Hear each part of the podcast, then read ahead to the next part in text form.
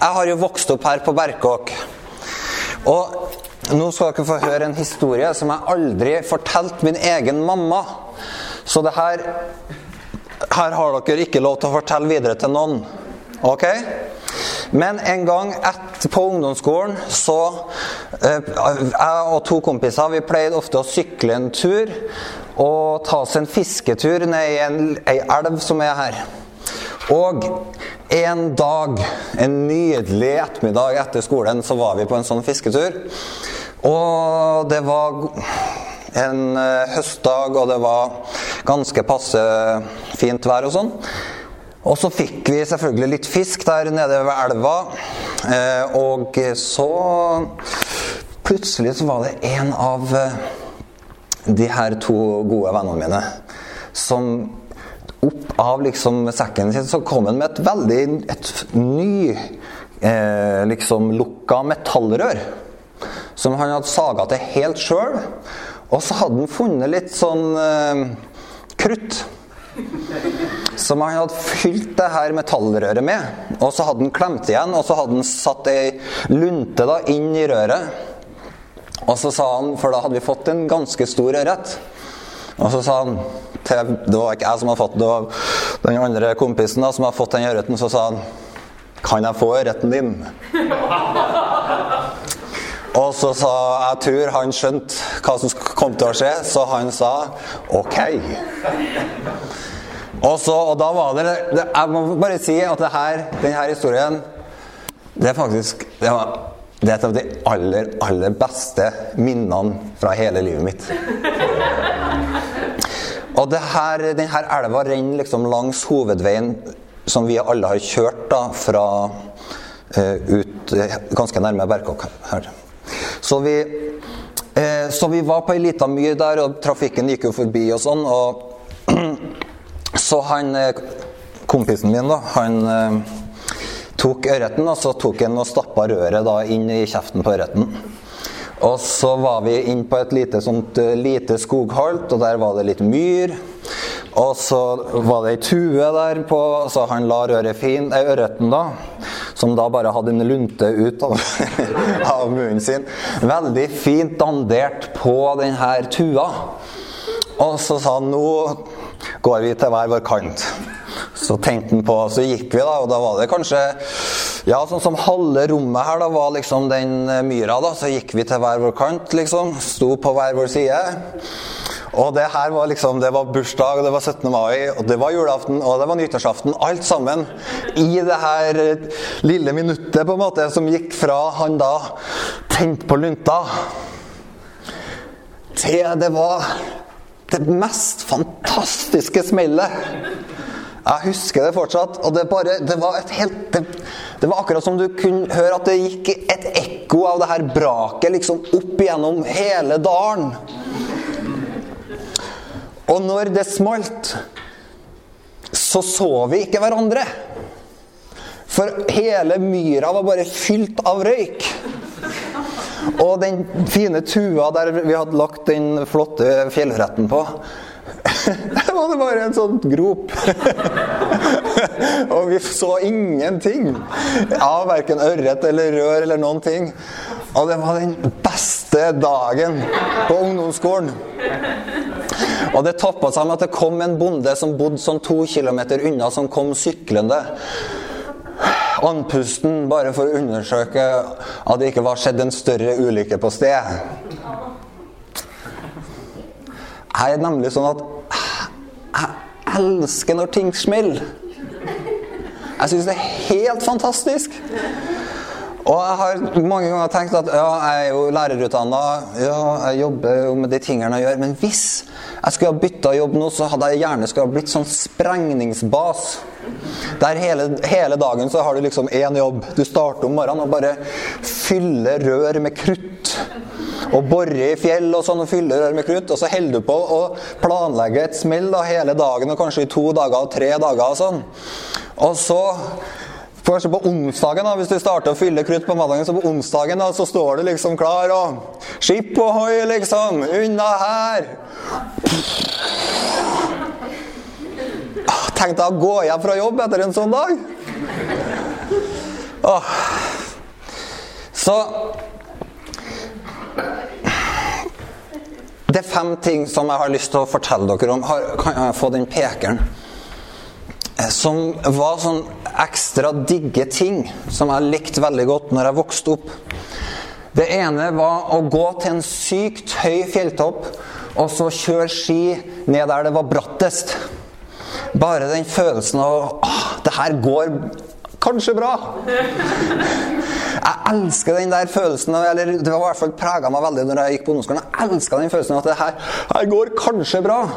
Eh, andre ting jeg likte, var å gjøre ting altså, med litt risiko for at du kunne brekke et bein eller få en frostskade eller et eller annet sånt. Så eksempel, en av de tingene som som når jeg gikk i femteklassen, så var vi to kompiser som i slutten av januar Femteklassen, da var vi 11, 11 år, var ikke det? 11-12. Slutten av januar så dro vi på vår første overnattingstur vinterstid inn i fjellet her.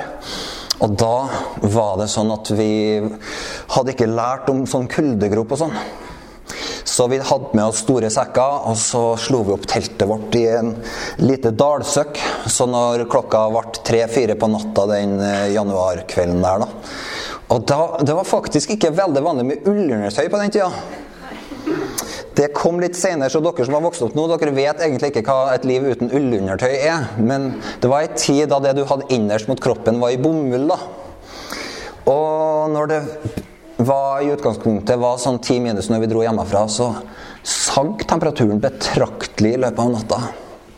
Husker vi sto opp da i sånn eh, femdraget, seksdraget. Da var det sånn at soveposene hjalp ingenting. vi var jo langt inne i skogen, kunne jo ikke dra hjem. Det, vi hadde en plan om å fiske på isen dagen etter. Så da handla det bare om å overleve og komme oss gjennom den natta. Vi sto opp og liksom gnikka føttene varme og fyrte et bål der i skogen. Og vi skjønte at vi ikke får fyr på det bålet her, og så dør vi. Og det er helt fantastisk! Det er akkurat sånn som vi vil ha det. Og vi elska hvert sekund av det. Eh, så digge ting, og jeg likte å sprenge ting. Det har jeg allerede nevnt. Andre ting som jeg tenkte, Hvis jeg kunne finne noen i nød som kunne reddes, f.eks. en vaskebjørn som hadde satt seg fast i et kratt, eller en prinsesse, så hadde det vært helt optimalt. Og drømmen var på en måte å komme ut i skogen og så se denne vaskebjørnen som har satt seg fast i krattet. Og da var det jo selvfølgelig at du først må du redde den, for den er så søt. Men litt seinere ut i fortellinga så blir du jo så sulten at du må jo spise den. Men uh, i tilfelle hvis det var en prinsesse i nød, så hadde vi jo selvfølgelig ikke spist da. Men da er det noe der med at det var noe inni meg som sier OK, ah, tenk å få være en som liksom kan utgjøre en forskjell når det er litt kritisk, da. Så hver gang det landa et helikopter på på fotballbanen her i Rennebu så sykla vi ned så fort vi kunne. For vi tenkte antageligvis kan det være bruk for noen som oss. Hvis det har skjedd noe tragisk her på stedet. Men uh, som regel så fikk vi bare med oss at helikoptrene for igjen. Uten at vi fikk redda en eneste sjel. Som regel. Og så hadde jeg en liten crush på tanken om å Tenk om jeg kunne klare å få en laks på kroken som var så stor at den bare dro meg ut i elva. Det hadde vært heftig. Og det er jo sånn at de laksene som svømmer nedi her, de er gjerne 20 kg, altså. Ikke tull. Så det kan skje, hvis du er liten nok og fisken er stor nok, så kan du oppleve at alle disse tingene skjer. Så var det en utfordring i livet mitt òg, og det var at av og til så var jeg på Eller ganske en god del så var jeg på en del kristne samlinger. Og da var det litt sånn at ingen av de tingene som skjedde der Ingen av de tingene på lista mi da skjedde på de kristne samlingene. Sånn at For min del var det litt sånn Av og til så kunne jeg være i kirka, og så kom det et menneske fram, og så skulle alle være stille. Og så tente de et lys, og så sa de her i kirkerommet så er det lov til å være hele mennesker. Og kirkerommet skal romme hele deg. Og da kortslutta jo jeg med en gang. For jeg skjønte jo det at her var det ikke rom for å sprenge noe. Her var det Det var ingen sjanse for å gjøre ting som medførte at det var fare for å brekke noen ting. Og du kunne heller ikke fryse i hjel på en god dag. Så på en måte hele det her elementet av utfordring, action, av de tingene som lå i hjertet mitt at ah, Kom igjen, gi meg litt motstand, la livet leves litt. Alt Når folk sa det skal romme, det her rommet skal romme liksom hele mennesket, så bare uh, Yeah, right! Come on, liksom. Jeg ble så provosert. jeg likte det så dårlig. Og jeg satt og bare gremte og tenkte her ah, Jeg vil ikke være her. Og så hadde jeg en sånn dobbelthet i meg, fordi at jeg trodde på Gud, men så var det liksom at ja, mange av de tingene som skjedde liksom i de kristne settingene, det var liksom, det handla om at du skal være så flink til å sitte i ro. Mens alt det jeg hadde lyst til, det var å ikke sitte i ro. Så tenkte jeg ja, det er jo veldig tenkte jeg, ja, Gud må jo være utrolig glad i alle som liker å sitte i ro. Hva med oss som liker å sprenge ting, liksom? Har Gud en plan for oss?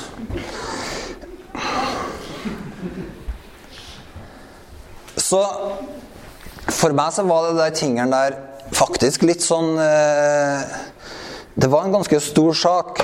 Fordi at på ene sida så visste jeg at det var en del ting jeg likte å gjøre, og som gjorde livet mitt godt. Men på den andre sida så var på en måte opplevelsen min hele tida at for å være en disippel av Jesus, for å være en kristen, så måtte jeg være flink til å tenne lys, like å høre på ord til ettertanke.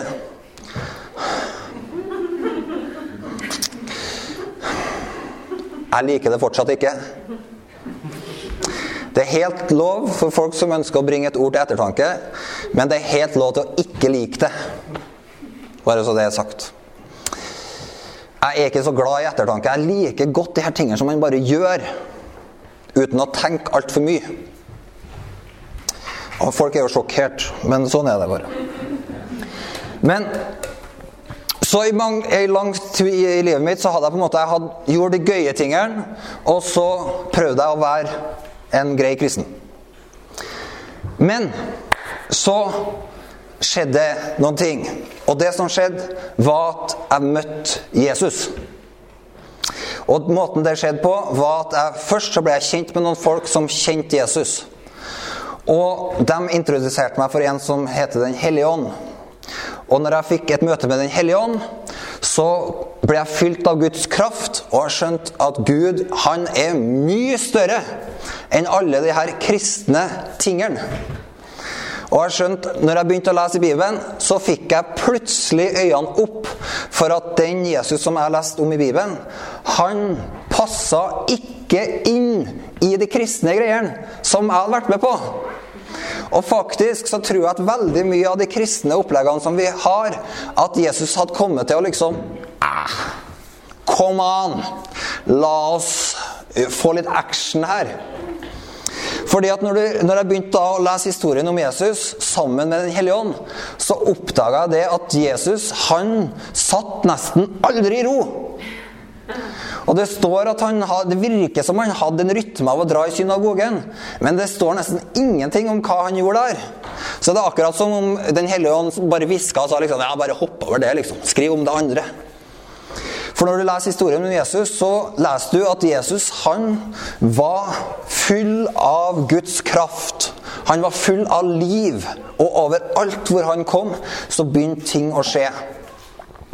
Og Jesus han var faktisk så full av kraft og liv og action på innsida at de som ønska at folk skulle være snille og greie og forholde seg til regler, fikk trøbbel.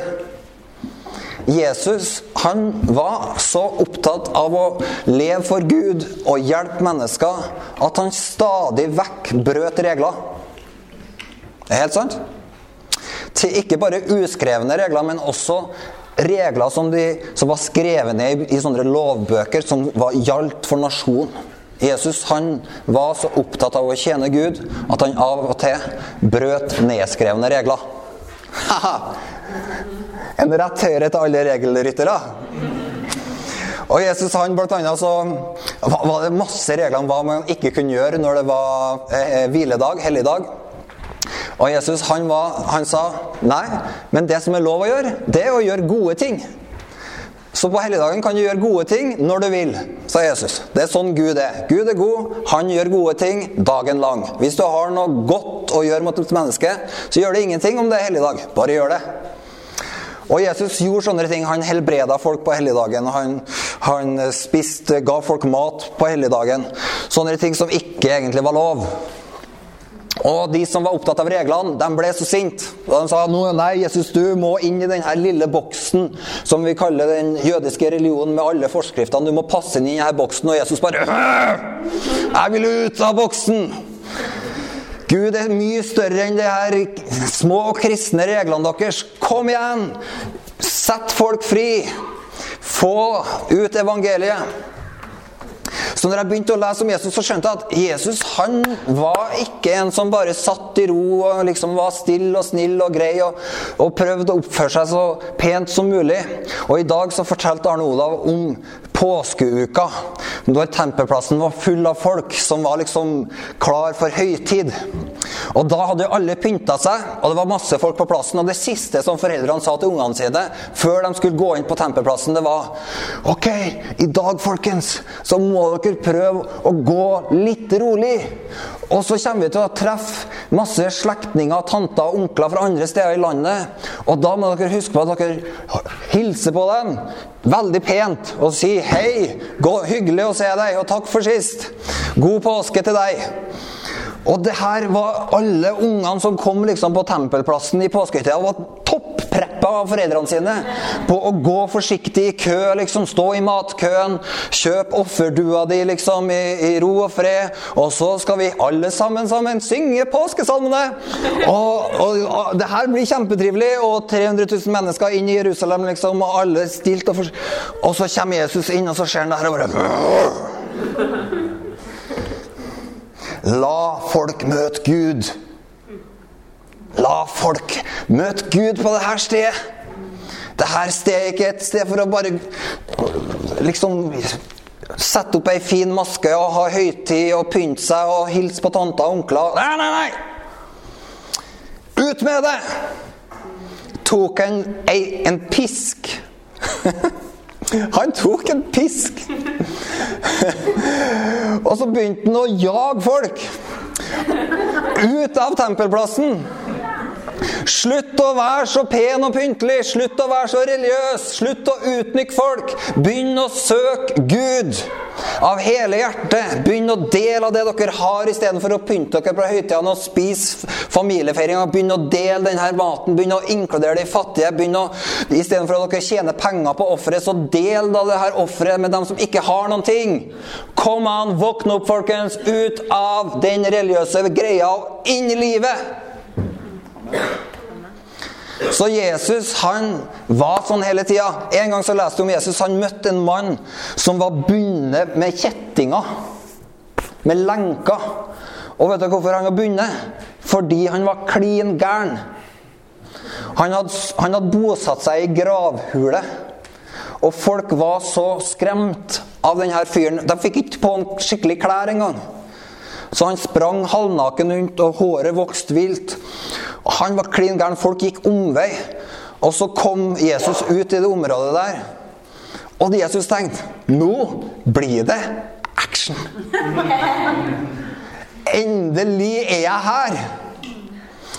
Jeg har hørt rykter om denne mannen og Jesus. Og da er det sånn her Jeg ser for meg hvordan Jesus kommer på det stedet, så har du liksom gravhullene her, og det er en mann som er lenka der. Og han, det som var Poenget var at lenkene kunne ikke holde ham fast, så han sleit seg løs fra lenkene. Og så står det at Jesus kommer gående, og så kommer denne mannen imot den. Og de aller fleste ville jo tenkt OK, da springer vi. Men Jesus han var sånn ah, Kom an! Jeg kommer her med Guds rike. Jeg er full av kraft på innsida. Det er jo det her jeg er lagd for. Jeg er lagd for action. Jeg er lagd for at noe skal skje. Jeg er lagd for å komme og sette mennesker i frihet. Bryte lenker. Så Jesus han kom der, og den halvgærne mannen full av demoner kom imot den. Og Jesus satte den fri. Og den mannen som hadde vært ødelagt av de her onde åndene, han ble helt fri. Og han ble helt frisk. Og han ble helt normal. Han ble så normal at når folk kom ut der Jesus satt og prata med ham og hadde en helt vanlig samtale, så kom folk og sa Så ble de redde. Det står det. Folk ble redde når de så at han var normal. Fordi at når han var gæren, så var det som det skulle være. Da var alt vanlig, liksom. Men når han var normal, så var det noe som var uvanlig. Det er noe å tenke på. Så Jesus, han kom, og han tok tak i utfordringa, og han forandra situasjonen. Han kom med Guds kraft. Og han visste at han var full av kraft og liv på innsida. Så på innsida av Jesus så var det ikke sånn at han stakk unna sånne situasjoner, men det var akkurat sånn det var noen ting som dro han inn i det. Han var skapt for action. Han var skapt for å bryte fangenskap. Han var skapt for å forandre. Nå var ikke Jesus skapt da han var født, og det kan, vi, det kan jo teologene ta dere av etterpå. Men, men han visste at han var her for å bringe en forandring. Og når jeg begynte å lese om Jesus på denne måten, så forandra det hele livet mitt. Fordi da skjønte jeg at Gud er mye større enn de kristne greiene. Og denne trangen på innsida av hjertet mitt etter å leve et liv som hadde utfordring i seg, action Jeg er skapt for å være med og gjøre noe som er litt spennende. Noe som ikke nødvendigvis er komfortabelt, men som er med å forandre verden. Jeg er skapt for å være med og, og, og liksom røre opp ting og skape forandring. Se at folk får et nytt liv. Så plutselig så skjønte jeg at det livet som Gud inviterte meg til, det var ikke først og fremst å sitte i ro. Men det livet Gud inviterte meg til, var et kall til å være med Han på nye eventyr hver eneste dag. Sånn at når jeg sto opp om morgenen, så forandra livet mitt seg på den måten at jeg gikk på skolen. Det her skjedde mens jeg gikk på videregående. Jeg var 16 år. Og fra at jeg sto opp om morgenen og tenkte å, en ny skoledag, litt, eh, kanskje litt tørr teori og undervisning og sånne ting, så våkna med denne tanken i hodet. Jesus, en ny dag. Hva holder du på med i dag? Hva kommer til å skje? Hva har du på agendaen? Fordi jeg visste at, at, kunne, at, Jesus sa at han vil gå sammen med meg hver eneste dag. Og han, jeg hadde begynt å se at Gud f.eks. helbreda folk når vi la hendene på dem. At, vi, at Gud kunne tale til oss om folk. At Gud kunne møte mennesker. Så det forandra livet mitt. Livet med Gud ble det mest spennende, og det ble faktisk mer spennende enn alle de her digge tingene. Nå skal det sies da, at fortsatt så liker jeg å sprenge ting. Og kjøre ned bratte skibakker. Jeg er kanskje ikke så opptatt av å fryse lenger, men Hvis jeg møter en vaskebjørn i et kratt, så er jeg the man of the day. Og har fortsatt en laks til gode. Men det, pasjonen i livet mitt, det er at jeg ønsker å tjene Jesus. For jeg har, jeg har ikke noe mer spennende liv, ikke noe mer actionfylt liv, ikke noe mer meningsfullt liv enn å få leve for å se at Guds rike går fram. Det er det jeg er skapt for. Det er det jeg vil. Det er det livet handler om. Det er derfor Gud har skapt meg. Og faktisk, det er ikke rom for sånne som meg i kirka. Men det er rom for sånne som meg i Guds plan. Amen? Å, det var koselig at dere ville inkludere meg i det. Tusen takk. Trosheltene i Bibelen de er fantastiske å lese om. Hør her. Er det noen som får assosiasjoner til, til eh, sånne rolige kristne samlinger med lystenning og dikt når dere leser den lista her. Hør, hva skal jeg ellers nevne? Tiden strekker ikke til. Dette er forbildene som Bibelen nevner for oss, da, for å si det sånn, for hva det vil si å være en kristen. Tida strekker ikke til hvis jeg skal fortelle om Gideon, Barak, Samson og Jefta, om David, Samuel og profetene. Ved tro Hør, da! Vant dem over kongerika! Er ikke det kult? Er det noen som har lyst til å være med og beseire et kongerike? Det har jeg lyst til. Jeg har lyst til å være med å innta nasjoner for Jesus. Yes! Come on! Har, vet du, Mikael? Jeg, jeg sprenger ikke lenger ting. Jeg har skjønt at Ja, av og til gjør jeg det.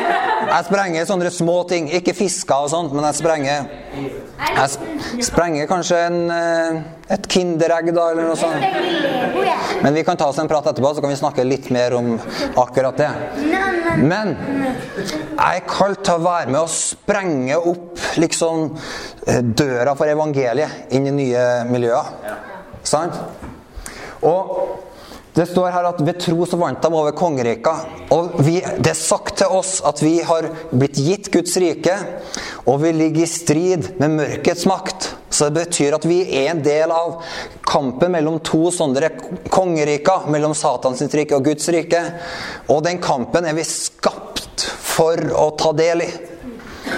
Og så står det ved tro så holdt de retten oppe, fikk løfta oppfylt og lukka gapet på løva.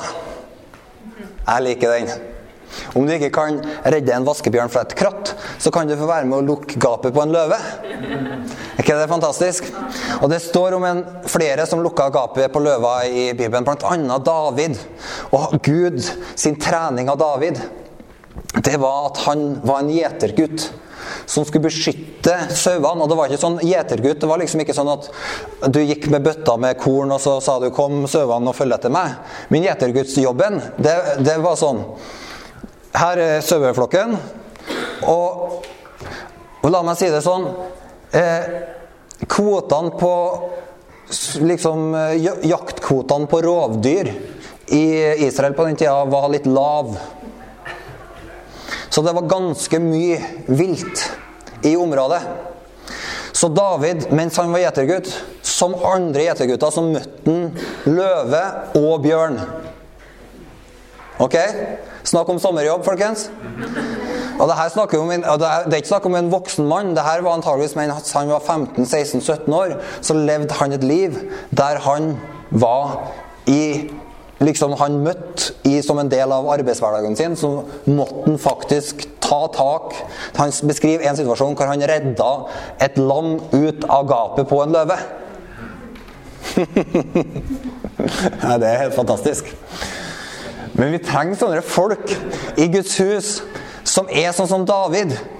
Som, har, som når de ser et lam i gapet på en løve, så er det ikke sånn at de tenker 'Jeg springer'. Noen gjør det. Det er helt ok. Det er ganske fornuftig. Men Gud kaller også på folk som tenker at når de ser et løve i gapet, en lam i gapet på en løve, så tenker de Det lammet er mitt! Og så tar de tak i den løva og knekker den så det holder. Og berger det lammet. Og drar hjem og så forteller til kompisene sine i natt, folkens. Nå skal dere få være med og se. For du kan ikke bære med deg ei løve hjem sjøl. Så tar han med kompisene ut i skogen og så sier han, se den løva. I took it. Men det var ikke bare meg, da, sier de etterpå. Det var i Guds kraft. For David han sa nemlig at han lærte seg å tro på Gud når han kjempa mot løver og bjørn. Og den samme troa som han fikk gjennom å kjempe mot løve og bjørn, brukte når han tok Goliat. Og Gud trenger sånne folk som David som har et hjerte som gjør at utfordringa kan ikke bli for stor, fordi at jeg vet at jeg kjenner en stor Gud som kan gjøre hva som helst som jeg tror at han kan gjøre. Og han bruker enkle mennesker til å vinne store seirer. Så David han fikk være med å lukke gapet på løva. De her trosheltene de slukka voldsom ild. De slapp unna bitende sverd, gikk fra svakhet til styrke. De ble sterke i krig og slo fiendtlige hærer på flukt. Kvinner fikk sine døde tilbake. De hadde stått opp. Er det noen som har lyst til å være med og be sånne bønner, eller? Er det noen kvinner her som har lyst til å være med og be sånne bønner for de som har dødd for tidlig, så vi kan få dem tilbake til livet? Vær med og se at Nei, døden har ikke siste ordet. Denne uhelbredelige sykdommen har ikke siste ordet. Men fordi vi har tro til Gud, og vi ber til Gud, så lever vi sånn Nei, det her Vi tjener en Gud som er større. Er vi nøyer oss ikke liksom, med å tenne lys for den som holder på å dø av en sykdom. liksom. Nei! Gud er større. Gud kan forandre. Vi vil be, vi vil faste, vi vil se en forandring.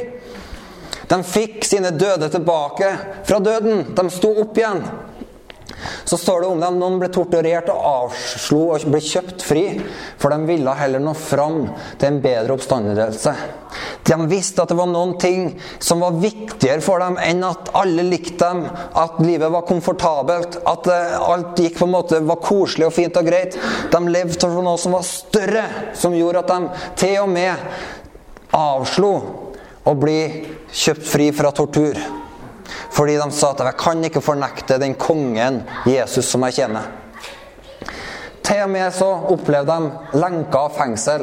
Noen ble steina, og noen ble saga i stykker eller drept med sverd. Andre måtte gå omkring i saueskinn og geiteskinn, nødlidende, forfulgt og mishandla.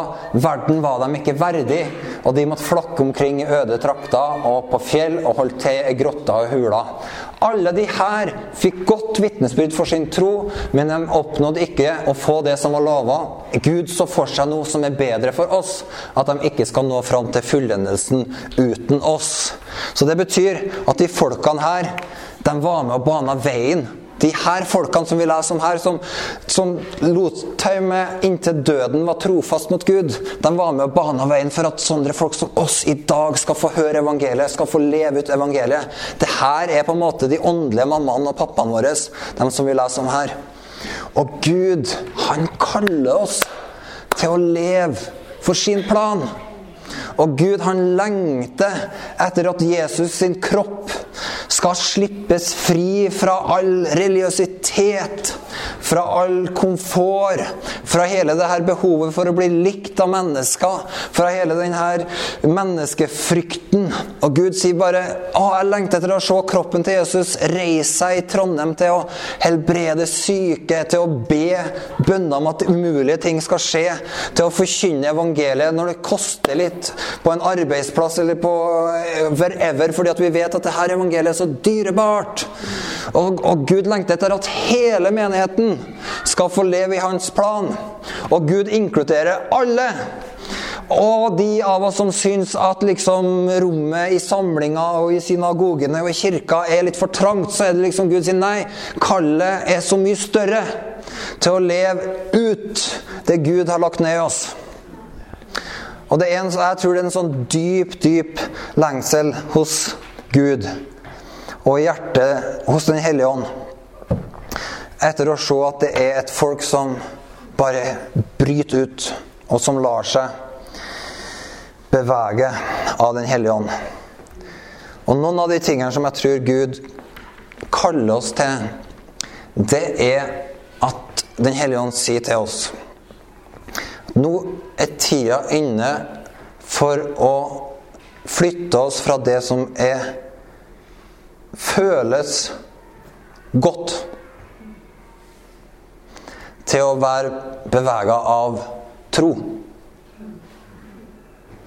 Og fra det som føles komfortabelt, til å bli styrt av et oppdrag. Og det er en mann i Bibelen som heter Abraham. Og han blir kalt alle troendes far. Og han fikk et ord fra Gud. Og det ordet styrte om at han skulle bli far til et folk som i siste instans skulle bringe gjennom Jesus Kristus inn i verden. Og det livet gjorde at han valgte bort Han var en bygutt. Han bodde i en av de mest urbane byene i Midtøsten.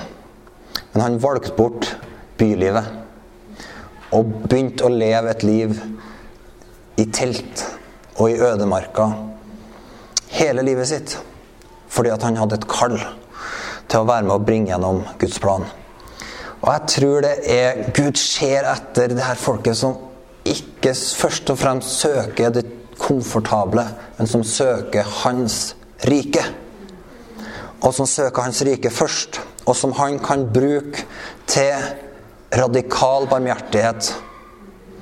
Til å se at uh, de som ikke har nok språk til å bli integrert i det norske samfunnet, at det fins noen som faktisk ikke bare snakker om det, men faktisk gjør det. Bygge de vennskapene, åpne de hjemmene, skape de arenaene. Eller i forhold til de som som eh, eh, Situasjonen med at eh, en del blir født inn i fattigdom i Norge. Og så er det sånn at når foreldrene er fattige, så blir ungene fattige. Men vi kan ikke som gudsfolk bare sitte og se på det skjer.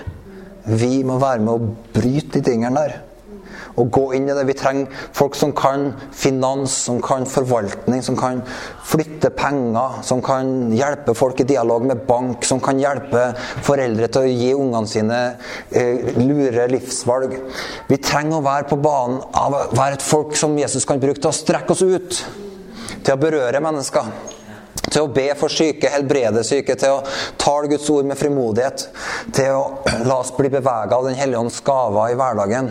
Gud er på ferde mellom oss. Han lengter i Trondheim etter å se det folket som bare bryter ut av det komfortable og inn i en vandring med Den hellige ånd og i tjeneste for evangeliet som er utafor boksen. Mm. Og jeg ber til Gud om at jeg ber til Gud for mitt eget liv. Herre, la meg få være utafor boksen. Jeg ber om at vi skal være en menighet som er lever utafor boksen. Som ikke styres av alltid styres av trygghetsfaktoren, men som dypest sett styres av Herre, vi ønsker å søke ditt rike først. Guds rike først. Og se at vi får alt det andre i kjølvannet av det. For det folket som er gitt til Guds rike, de opplever rettferdighet, fred, nåde, glede, liv, Den hellige ånds kraft, fellesskap. Men Gud sier hele tida 'Gjør som Jesus. Kom ut. Kom ut. Kom ut'.